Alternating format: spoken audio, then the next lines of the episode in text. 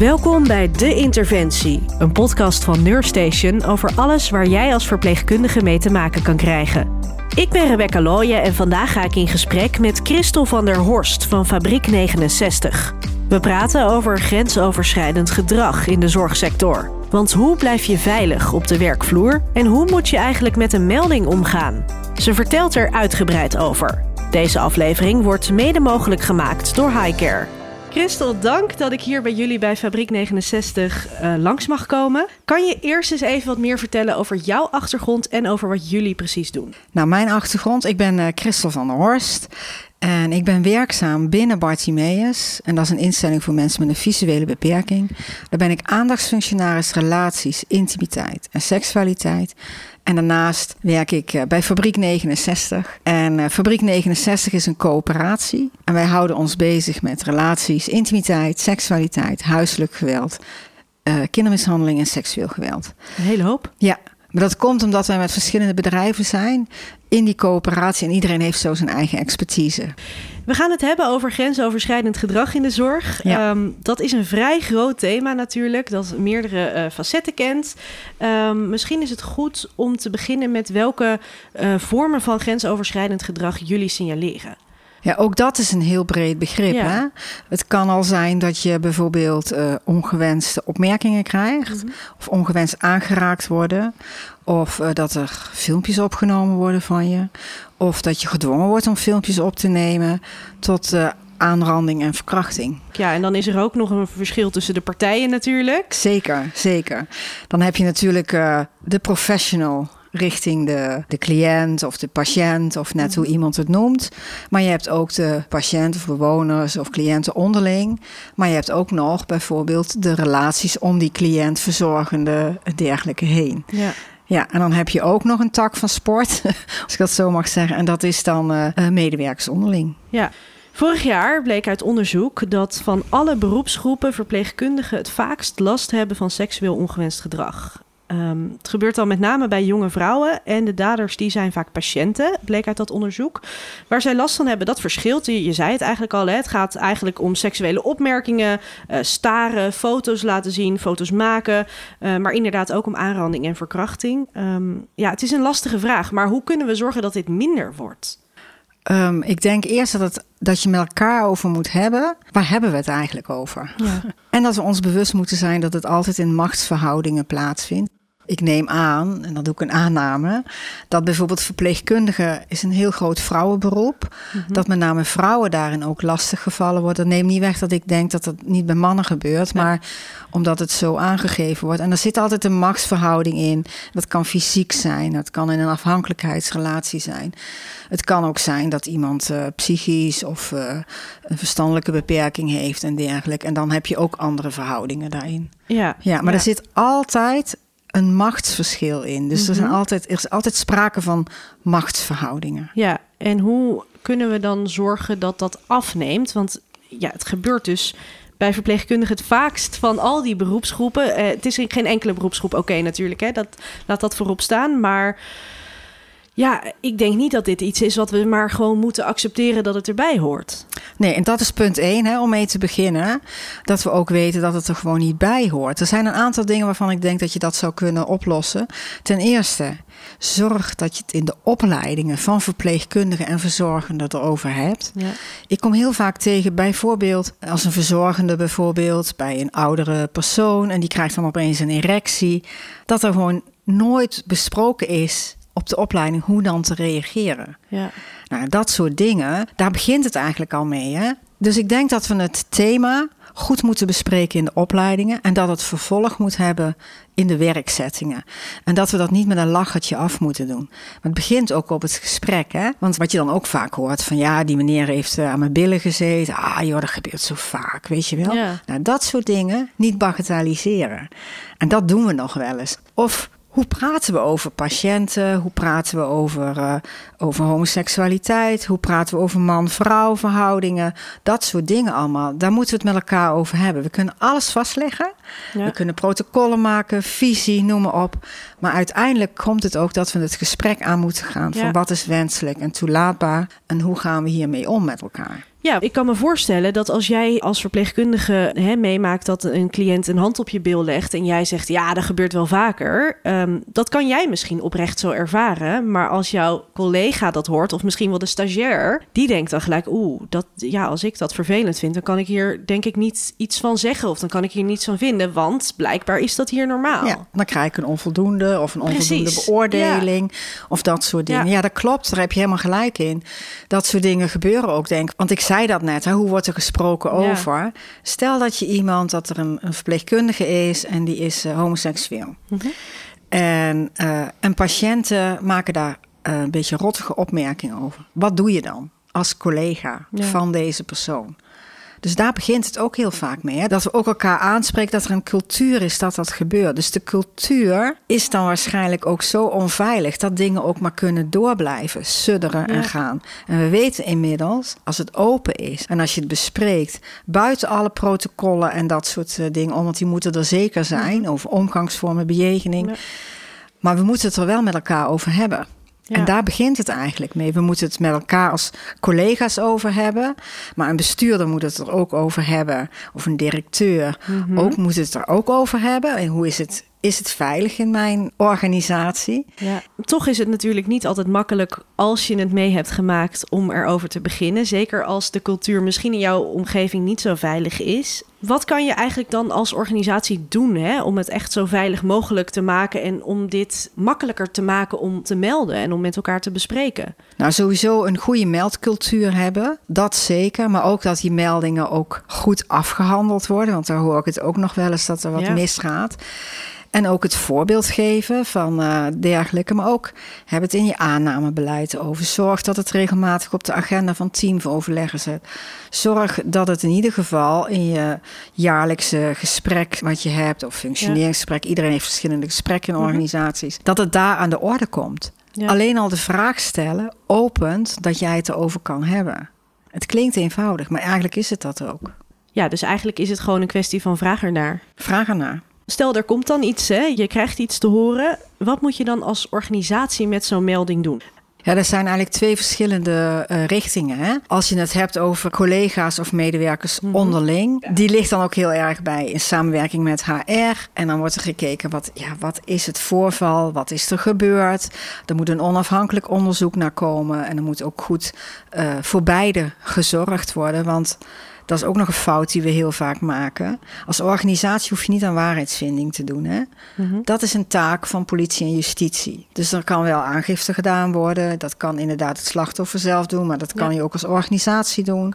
Maar daarnaast moet er heel goed gezorgd worden voor beide partijen. Want wij hoeven niet aan waarheidsvinding te doen. Dat Ja. is ook een hele belangrijke om in onze oren te knopen. Is het een patiënt naar een, eh, eh, hoe heet het? Een naar een, eh, naar een of een of verpleegkundige. Dan moet je daar intern goede afspraken over hebben. En dan is het net van, is het een patiënt die tijdelijk is? Dan heb je daar ook weer andere stappen Ja. in. Of is het iemand die er woont? Dan heb je daar ook weer andere stappen in te zetten. Want als iemand er woont, dan moet je daar ook weer verder mee hè, met iemand. En dan ga je ook kijken hoe kan ik iemand daar het beste in begeleiden en ondersteunen. Waar komt het vandaan? Noem maar op. Er zijn altijd allerlei verschillende redenen van. Maar je kan niet zo 1, 2, 3 zeggen, zo moet je het doen. want dat heeft verschillende... Vers- Heel veel verschillende facetten Ja. natuurlijk. En, en dan hangt het er denk ik ook nog af in hoeverre, als we het dan over een cliënt hebben, in hoeverre iemand beseft wat er gebeurt. Als je te maken hebt met een, eh, een bewoner met dementie of eh, iemand met een verstandelijke beperking, dan is het natuurlijk weer anders dan iemand die ehm, bij wijze van spreken in het ziekenhuis met een been. gebroken been. ja, ja. dat is echt anders. Ja, ja. Nou, laten we dan even teruggaan hè, naar, naar de veilige werkomgeving van zorgverleners. Ehm, er zijn dus, daar hebben we het al over gehad, verschillende situaties waarin er grensoverschrijdend gedrag plaats kan vinden. Hoe blijf je eh, veilig eigenlijk op de werkvloer? Ik denk dan bijvoorbeeld ook aan hulpverleners die in de thuiszorg werken, die echt bij iemand over de vloer komen. Ja, dan ben je daar toch alleen. Ja. Nou, ten eerste denk ik altijd dat het heel duidelijk moet zijn hoe, de, hoe de verhoudingen liggen. Ik zou er voorstander ook van zijn om gedragsregels, omgangsvormen ook te bespreken. En vaak als je dan in de thuiszorg zit en er gebeuren dingen die grensoverschrijdend zijn. Wat is de behoefte eigenlijk? Waarom, waarom doet iemand dat en dergelijke? Dus dat ook. Maar dat kan je aan de voorkant eigenlijk al een beetje ehm, dekken door het erover te hebben. Zijn er vragen op het gebied rondom seksualiteit, seksuele behoeften of zijn er zaken gebeurd die belangrijk zijn voor ons om te weten? Want soms kan het ook zo zijn dat iemand seksuele behoeften heeft en die denkt van oké, nou komt er zo'n jonge dame voorbij, ik ja. mijn kans om het zo maar even te zeggen. Ja, dan die had misschien dan voorkomen kunnen worden door het gesprek aan te gaan en door daar andere oplossingen voor te zoeken. We vermijden ook heel vaak. Hè? We zijn ook heel vaak bang om het gesprek aan te gaan. En ik zeg niet dat dat gelijk de oplossing is. Hè? Want het zal niet weet alles je, voorkomen. Wij gaan niet alles voorkomen. Nee. Maar er zijn wel mogelijkheden waardoor je zaken kunt voorkomen. En als leidinggevende van die thuiszorgwerkmedewerkers. Ga het gesprek aan daar regelmatig. Voel je je nog veilig Ja. genoeg? Wat zouden we kunnen doen? Noem maar op. Zijn er zaken gebeurd? Want ook heel veel wordt er niet gemeld. Er wordt Nee. heel veel niet gemeld. En ook daar geldt dus weer vraag ernaar. Vraag ernaar en heb het erover. Ja. Als je dan als zorgverlener toch slachtoffer wordt van grensoverschrijdend gedrag, wat kan je dan doen? Iedere organisatie heeft vertrouwenspersonen. Het ligt ook aan hoe het protocol eh, werkt binnen een organisatie. In principe kan je dat melden. Soms heb je organisaties die een meldteam hebben, dat je daar terecht kan. Eh, soms gaat dat via je directe leidinggevende, dat je daar terecht kan. Soms verlopen dingen via vertrouwenspersonen. Maar zorg wel dat je het bij iemand gaat vertellen. Ja. Ja. Ik denk dat veel mensen ehm, te veel bagatelliseren. Dus wat meld je dan wel en waarvan denk je, ja, als ik daarmee aankom, dan denken ze, stel je niet zo aan. Ja, precies. Maar dan begint het weer aan dat stukje vooraan. Hè? Ja, Ik kan me nog herinneren dat ik op een gegeven moment zei: Goh, er is een afdeling hier bij ons in de organisatie. Dat was niet een organisatie waar ik nu werk hoor. Er is een afdeling in de organisatie. En daar, wordt, eh, eh, daar worden iedere keer uitspraken gedaan over homoseksualiteit. En die zijn niet fijn. Dat creëert een onveilige omgeving. Dan kan je als leidinggevende twee dingen doen. Je legt het naast je neer, je geeft het ter kennisgeving aan. Of je gaat er actief mee aan de slag. En je zegt, hier moeten we het met elkaar over hebben. Hoe gaan we met elkaar om? En als je dat al vanaf het begin af aan eh, de kiem insmoort, om het zo Ja. maar te zeggen, dan creëer je veiligheid en dan weet je, we kunnen het hierover hebben. Heel veel staat of valt met voorbeeldgedrag vanuit het management, de lijn of de directie of het bestuur. ja, Er zijn echt wel culturen waarin bijvoorbeeld een arts, een verpleegkundige of een co-assistent of dergelijke eh, seksueel eh, lastig valt. En die wordt dan ook schuldig bevonden. En dan kan de verpleegkundige of die co-assistent vertrekken en de arts blijft zitten. Nou, Ja. dat zijn foute boodschappen. Dat gebeurt in situaties waarin de cultuur dus al niet oké is. Nee, Hoe nee. verander je die dan? Want stel je, je hoort dit nu en je denkt, ja, dit is bij mij het geval. Maar ja, daar ga ik in mijn eentje niet tegenop kunnen boksen. Nee, maar ik denk dat, dat we nu op dit moment is de maatschappij en de, is er open voor dat er over gesproken gaat worden. Ja. Ga sowieso naar een vertrouwenspersoon en ga met haar of hem in gesprek over, nou, wat zou ik kunnen doen om het inderdaad voor mezelf nog veilig te houden, maar ook om het te bespreken. Een vertrouwenspersoon kan met je meegaan. Ze kunnen samen bedenken van hoe gaan we dit oplossen en dergelijke. En dan zou je een stap kunnen maken naar het hoger management. En ik snap dat het lastig is. Maar het bestuur en, eh, en het Ja. management moet wakker worden hierin. Ja, en die moeten zich bewust zijn van de machtsverhoudingen die er spelen. En helpt het dan misschien bijvoorbeeld om onderling eerst met je directe collega's het erover te hebben? Dat je met meerdere mensen zegt van, goh, wij vinden dit belangrijk. eh, dat je er dus niet meer alleen voor staat. Helpt dat dat? is altijd fijn, hè? Ja, Zeker als er meerdere meldingen zijn. Maar een hardnekkige cultuur waar heel veel onveiligheid is. Kijk maar naar The Voice. ja, Eh, kijk maar eh, bij de universiteiten. Kijk maar in de sport. ja. Het gaat altijd om machtsverhoudingen. Ja, en vaak zie je dan ook dat, er, ehm, dat het niet alleen gaat om een machtsverhouding tussen dader en slachtoffer, maar ook eh, de omgeving van de dader. Dat het toch wel vaak een beetje onder het tapijt geschoven is. Ja. Ehm, omdat het onhandig is om iemand op zo'n hoog niveau terug te vinden. Hè? Of eh, het is ongemakkelijk. Ehm, is het zo dat daders altijd zelf in de gaten hebben dat ze een grens overgaan? Niet altijd. Nee. Kijk nu ook maar wat er bij de NOS gebeurt. Ja, Die Jack van Gelder zegt gewoon: ja, was maar een grapje. Ja. Ik heb dat echt niet zo bedoeld. Maar daar is ook de cultuur ontstaan op de redactie. Dat je gewoon met elkaar eh, grapjes kon maken over vrouwen, over eh, mensen van een andere culturele achtergrond. Noem maar Ja. op. En dat werd gedoogd. En ze lachten met z'n allen ook nog mee. Ja. En daar, het begint echt daar. Dat we elkaar aanspreken op grapjes, gedrag wat we zien. Om grotere excessen te voorkomen. Ja, en het zal vaak zo zijn dat je denkt, tenminste, dan heb ik het even over mezelf. Als ik dat soort grappen hoor, dan denk ik vaak wel, dit is niet oké. Maar het gaat zo snel. En je Ja. wil ook weer niet altijd degene zijn die, de, die er een ding van maakt. En Maar oh, daar- zit nou ook weer gevaar. doen. En, dat is En mannen lastig. moeten elkaar aan gaan spreken. Dat is ook een belangrijk stuk. We moeten elkaar ook aanspreken. Ja. Nou, dit kan niet. Dit kan gewoon niet. Ja. Kan je toch gewoon zeggen? ja, zonder dat het dan verder een heel gedoe Ja, wordt eigenlijk. Ja. ja. Ja. alles begint natuurlijk klein. Altijd. Ja. ja. Jij zegt dus eigenlijk, je kan beginnen met praten, met grenzen aangeven onderling. Dus niet alleen je eigen grenzen, maar ook gewoon de sociaal geaccepteerde grenzen, de grenzen die je als Ja. organisatie hebt Ja, afgesproken. eigenlijk moet je als organisatie een soort kapstok hebben. Dit is eh, visie en beleid rondom het thema relaties, intimiteit en Ja. seksualiteit. En daarnaast moet je een, eh, een goed lopend protocol hebben. Goed hebben wat zijn onze omgangsvormen. Die moeten aan die visie kunnen hangen. En laat daarin voorbeeldgedrag zien. Ja. Zeker als, als je een leidinggevende functie hebt.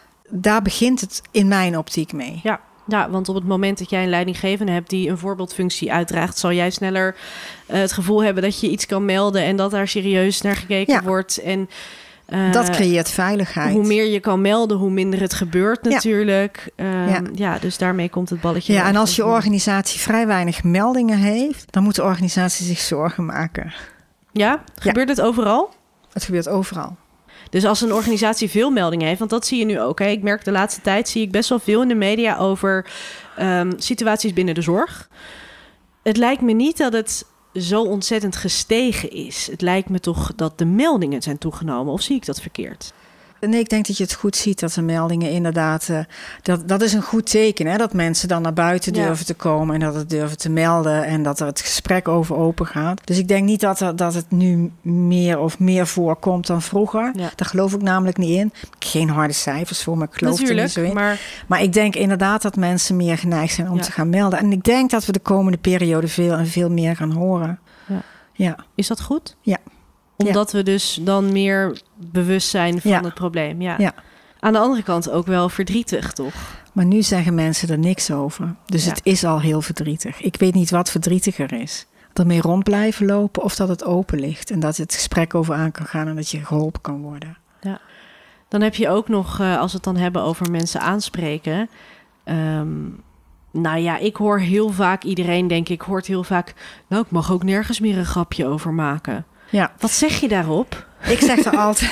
Ja, ik weet het niet meer namelijk. dat klopt, dat zeggen ze allemaal. Hè? Zo van, Ja. ja. ik mag tegenwoordig niks meer zeggen. Ja, dat ja. Nou ja, voor even vind ik dat niet zo erg. Nee. Dan denk ik, oké, voel het maar even als ongemakkelijk. En ik denk dat daardoor het, eh, het gesprek ook weer aan kan gaan. Natuurlijk mag je best wel wat zeggen. Je mag best wel iets zeggen over iemand zijn uiterlijk of Ja. iets dergelijks. Maar het is ook de toon die de muziek maakt. Hè? Je kan eh, zeggen, goh, ben je naar de kapper geweest? Of je kan daar een beetje een, eh, nou, een seksistische opmerking over maken. Ja, en ik denk dan ook altijd van, goh, nou ja, de dingen die je dan nu niet meer mag zeggen, moet je die wel willen zeggen. Precies. Er is altijd één stelregel. Dit wat ik nu ga zeggen, kan ik dat ook tegen mijn eh, moeder of oma zeggen. Zou ik het dan ook zeggen? Als je die in je achterhoofd neemt, kan je heel veel zeggen. Dus dat is eigenlijk heel makkelijk. Ja, Nou, dan zijn we klaar. Ehm, we hebben het nu eh, veel gehad over zorgverleners als slachtoffer. Ehm, maar grensoverschrijdend gedrag komt natuurlijk voor tussen verschillende relaties. Ehm, het kan ook zo zijn dat een zorgverlener iets doet bij een patiënt. eh, of dat er juist iets gebeurt tussen twee cliënten. Hoe herken je dat? je ziet het niet altijd, hè? dat staat Mhm. buiten kijf. Eh 9 van de 10 keer hebben we wel een onderbuikgevoel. En dan zegt, zegt iemand, ja, maar dat heb ik niet. Ja, maar zo'n zo'n gevoel waarvan je denkt, hier klopt iets niet. En ik kan er niet de vinger op leggen. Ik weet niet wat dat is, maar er klopt iets niet. En dan zeg ik altijd, zorg dat je dat dan gaat melden bij iemand. Zoals dat hoort bij jou in de organisatie. En puzzel uit waar dat onderbuikgevoel vandaan komt. Want een onderbuikgevoel, dat hebben we niet voor niks. Net zo goed als we het denken en zien en horen ook niet voor niks hebben. We moeten daar naar luisteren. En dan wil ik niet zeggen, ja, maar straks gaat iedereen met een onderbuikgevoel iedereen, iedereen veroordelen. Nee, je moet gaan uitzoeken wat dat onderbuikgevoel nou precies zegt en wat het betekent. En moet je dat dus al melden zodra je dat gevoel hebt? Ja. Of moet je. Oké, Ja. dus je zegt, je zegt niet: ga eerst eens Nee. kijken of je iets signaleert. Ga erop Nee. letten. Wij hoeven geen Sherlock Holmes te zijn. Nou, dat scheelt. Je hebt Ja. al genoeg te doen op zich. Ehm, dat is een iemand anders de vak. Dan is het dus aan een leidinggevende om daar eh, in gesprek te gaan ja, met of een protocol of, iemand die daarvoor aangesteld is binnen de organisatie. Dus dat is altijd een beetje lastig hè, om zo strak te zeggen, zo, zo die stappen moet je zetten. Want iedere organisatie ligt ook aan hoe groot of wat ze doen, heeft Dus- andere stappen. Ehm, ja, en buiten dat gevoel zijn er dingen die je wel kan signaleren. En als we het dan bijvoorbeeld hebben over twee cliënten onder elkaar, of misschien wel de omgeving van een cliënt, zijn er signalen waar je op kan letten? Ja, er, zijn, er kunnen altijd signalen zijn in gedrag. Hè? Eh, bijvoorbeeld eh, iemand gaat slechter slapen. Ja, er zijn heel veel dingen die je kan. Dus ik wil niet zeggen dat als ik Nee, die dingen ga tuurlijk. opnoemen, Dat dat het meteen dat is. dat het meteen is. Dus dat is het gevaar altijd. Of bijvoorbeeld tijdens verzorgingsmomenten gaan scharen met de benen. Ehm, als je bij de geslachtsdelen wil wassen. Ja. Dat is ook altijd eentje. Ehm, slechter gaan eten, probleemgedrag laten zien, eh, bepaalde omgeving of mensen eh, angstig worden. eh, er zijn allemaal verschillende situaties. Cliënten die opeens veel geld hebben. Oh? ja, loverboys. en, Oh, eh, oh, ja, natuurlijk. Ja, het hoeft natuurlijk niet alleen... mensenhandel. Ja, ja, ik zat nog zo in de eh, familiaire sfeer te Ja, denken, ja, maar dat, ja, ja, dat zijn het allemaal, allemaal dingen ja. die dan, die dan eh, ja, Ja. en daarom is het ook zo complex opmerkingen. natuurlijk. Ja. halve vage opmerkingen. Ja, Ja. dus echt goed je ogen en je oren open blijven houden. Ja. Ehm, ik wilde vragen wanneer moet je aan de bel trekken, maar jij zegt eigenlijk zodra je een onderbuikgevoel hebt. Ja. Meteen. Ja. Dat Ja. voelt voor mij heel snel, maar ehm, Nou ja, je kan het ook langer door laten sudderen. En dan maak je het eigenlijk alleen maar onveiliger. dat klopt. Maar Ja. ik denk dat heel veel mensen zullen denken: ja, maar ja, ik zal er ook een keer naast zitten. Ja, maar dat is, dat, is een, ehm, dat is eigenlijk de weerstand die we hebben om te melden. We vinden het ook heel ingewikkeld hè, om seksueel geweld te zien en om het ook daadwerkelijk te geloven. Want als we dat zien en, en meemaken, dan komt het ook heel dichtbij. Ja. Want dan kan het jou ook overkomen. Hè? Zo voelt dat. Het voelt ook van, oh, als ik dit zie en ik doe daar wat mee, dan ehm, maak je het voor jezelf ook onveiliger in de eerste instantie. Omdat je dan denkt van, oké, het kan mij overkomen, het kan mijn vrouw overkomen, het kan mijn eh, kinderen overkomen. En dan willen we het liever niet zien. Soms kunnen we er met een neus bovenop staan en dan dat toch niet zien. Ja, gewoon uit. Afweer. Ja, angst. Ja, en de afweer zit ook door te zeggen: ja, maar straks beschuldig ik iemand vals. Want jij beschuldigt niet, jij signaleert alleen maar. Ja, want je hoeft niet aan waarheidsvinding Ja. te doen. Je bent Ja. alleen maar aan het melden wat jij ziet. En Ja. niet zozeer. En er zit nog geen melding aan, want melden is ook altijd zo'n bespreek het. En eh, zet de juiste stappen die in het protocol staan. Ja, dus het kan ook heel klein zijn in een overleg van jongens. eh, ik, ik heb toch een beetje het gevoel dat er bij eh, die bewoner iets speelt. Ja, dan zou je kunnen zeggen: hoe gaan we dat observeren? Ja, ja, Bij wijze van. ja, want meer, meer ogen zien natuurlijk ook meer. Ja, en dan ga je, dan zou je in dit soort geval zo'n opmerking, als jij dan zegt, zou je een aantal observatiepunten kunnen opstellen en dan kijken van oké, als ik dit, eh, hier gaan wij deze komende twee weken observeren en dan evalueren we het daarna en dan Ja. kijken we wat er uitkomt. Ehm, hoe kan je een slachtoffer, of dat nu een collega, een vriendin, een cliënt is, iemand die slachtoffer is van seksueel grensoverschrijdend gedrag, hoe kan je die het beste ondersteunen? Altijd geloven. Oké. Twijfel niet. Ja. Ik moet er even over denken, omdat je ook zegt we moeten niet aan waarheidsvinding doen. Nee, dat hoeft ook niet. Dat doe je ook niet op dat moment. Mhm. Het is eh, van die persoon de waarheid. Ja. Het punt is als iemand stelt dat het wel allemaal waar is en het is gebeurd en dergelijke. En, eh, en wij, gaan, wij zijn heel snel geneigd om te zeggen: ja, maar waarom was je daar dan? Ja. Waarom liep je op dat tijdstip op straat? Waarom had je dat aan? Waarom had je dat aan? En die opmerkingen die zijn vaak schadelijker en kunnen daardoor ook eerder trauma veroorzaken dan dat we echt helpend zijn. Ja. Ik zeg altijd: het is niet jouw schuld. Het is niet jouw schuld. Het had je niet mogen overkomen. Ook dat kan dus zo makkelijk zijn eigenlijk. Ja. En zijn er verder nog dingen die je dan kan doen? luisteren. En als iemand niet meer verder wil vertellen, oké, respecteer dat. Ga niet zeggen waarom dit, eh, waarom zus, of allerlei toestanden van, ja, we noemen dat victim blaming, dat alles bij het slachtoffer ligt, want daar zijn we nogal toe geneigd. Kijk maar in de media hoe we dat nu doen. Ja, Er komt iemand naar buiten en alles gaat over het slachtoffer. nou je wil de Facebook-reacties niet openen onder dit soort nou ja, nieuwsberichten. dat is dus eigenlijk victim blaming. En dat is heel schadelijk. Dus luister gewoon. En ga dan zeggen: Goh, wat zou jij graag willen? Wat zou je graag willen hiermee? En misschien weten ze het op dat moment nog niet. Laat het zo. En zeg, als ik iets voor je kan betekenen. Uh, we kunnen ook samen op zoek gaan. Noem maar op. Je kan ja. luisteren met name. Luister wat die persoon wil. Ja. ja. Maar oordeel niet. Dat doen we heel snel ja, namelijk. Ja, maar hoe kan... Ja, ik snap dat eigenlijk niet zo goed. Waarom zou je oordelen over een situatie waar wat zo heftig is... en waar je niet... Iemand zegt dat niet voor niks natuurlijk. Het, nou is, het lijkt me een hele stap om dat te vertellen aan iemand. Ja, het liefst, zoals Iva Bikanic ook altijd zegt... het liefst wonen wij natuurlijk in een straat... waarin seksueel geweld niet plaatsvindt. Een seksueel vrije straat. Daar zouden we het liefst allemaal in wonen. Ja. En opeens vertelt een vriendin tegen jou... die ook waarschijnlijk in die straat leeft, om het zo maar te zeggen... dat jouw straat niet zo veilig is. En dan is het makkelijker om dat bij het slachtoffer neer te leggen dan het te geloven. Ja, dus het oordelen ligt eigenlijk niet zozeer bij het slachtoffer, maar bij, ja, bij jezelf, bij, bij de angst voor jezelf eigenlijk. Ja, ja. En het begint eigenlijk, want deze podcast gaat natuurlijk over seksueel grensoverschrijdend gedrag en seksueel geweld. Ja. Maar eigenlijk begint het gewoon bij gezonde seksualiteit bij gezonde seksuele opvoeding, maar ook in seksueel plezier. En uh, dat we leren hoe we met elkaar om moeten gaan daarin en dat we dat respectvol doen.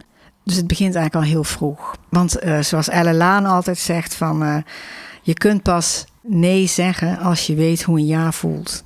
Ja. Dan tot slot, wat wil jij vanuit jouw expertise nog meegeven aan andere zorgverleners? Ja, als je zorg verleent aan mensen die bij je verblijven en je gaat de opname doen, dus de intake om het zo maar te zeggen, bespreek het onderwerp seksualiteit. En dat hoeft niet zwaar te zijn, maar bespreek dan bijvoorbeeld, goh, zijn er nog zaken rondom relaties, intimiteit of seksualiteit die van belang zijn voor mij en voor ons als verzorgende of hulpverleners, die we moeten weten. Dus bij de intake, zorg dat het daar al open ligt. En als je dan alles wil weten over dit stuk. Uh, Jeroen Hendricks en ik zijn een boek aan het schrijven over het 9 tot 5 uh, eh, taboe. En dat gaat erover hoe je dit thema in je organisatie binnen zorg, welzijn en onderwijs goed weg kan zetten. Je luisterde naar De Interventie, een podcast van Nurstation. Deze aflevering werd mede mogelijk gemaakt door Highcare. Wil je meer weten over een veilige werkomgeving of wil je andere vakverhalen lezen? Kijk dan op neurstation.nl. Volgende maand zijn we er weer. Dan hoor je alles over groepsreizen voor mensen met een verstandelijke beperking. Vond je deze aflevering nou interessant? Laat dan vooral een review achter en deel hem met je collega's.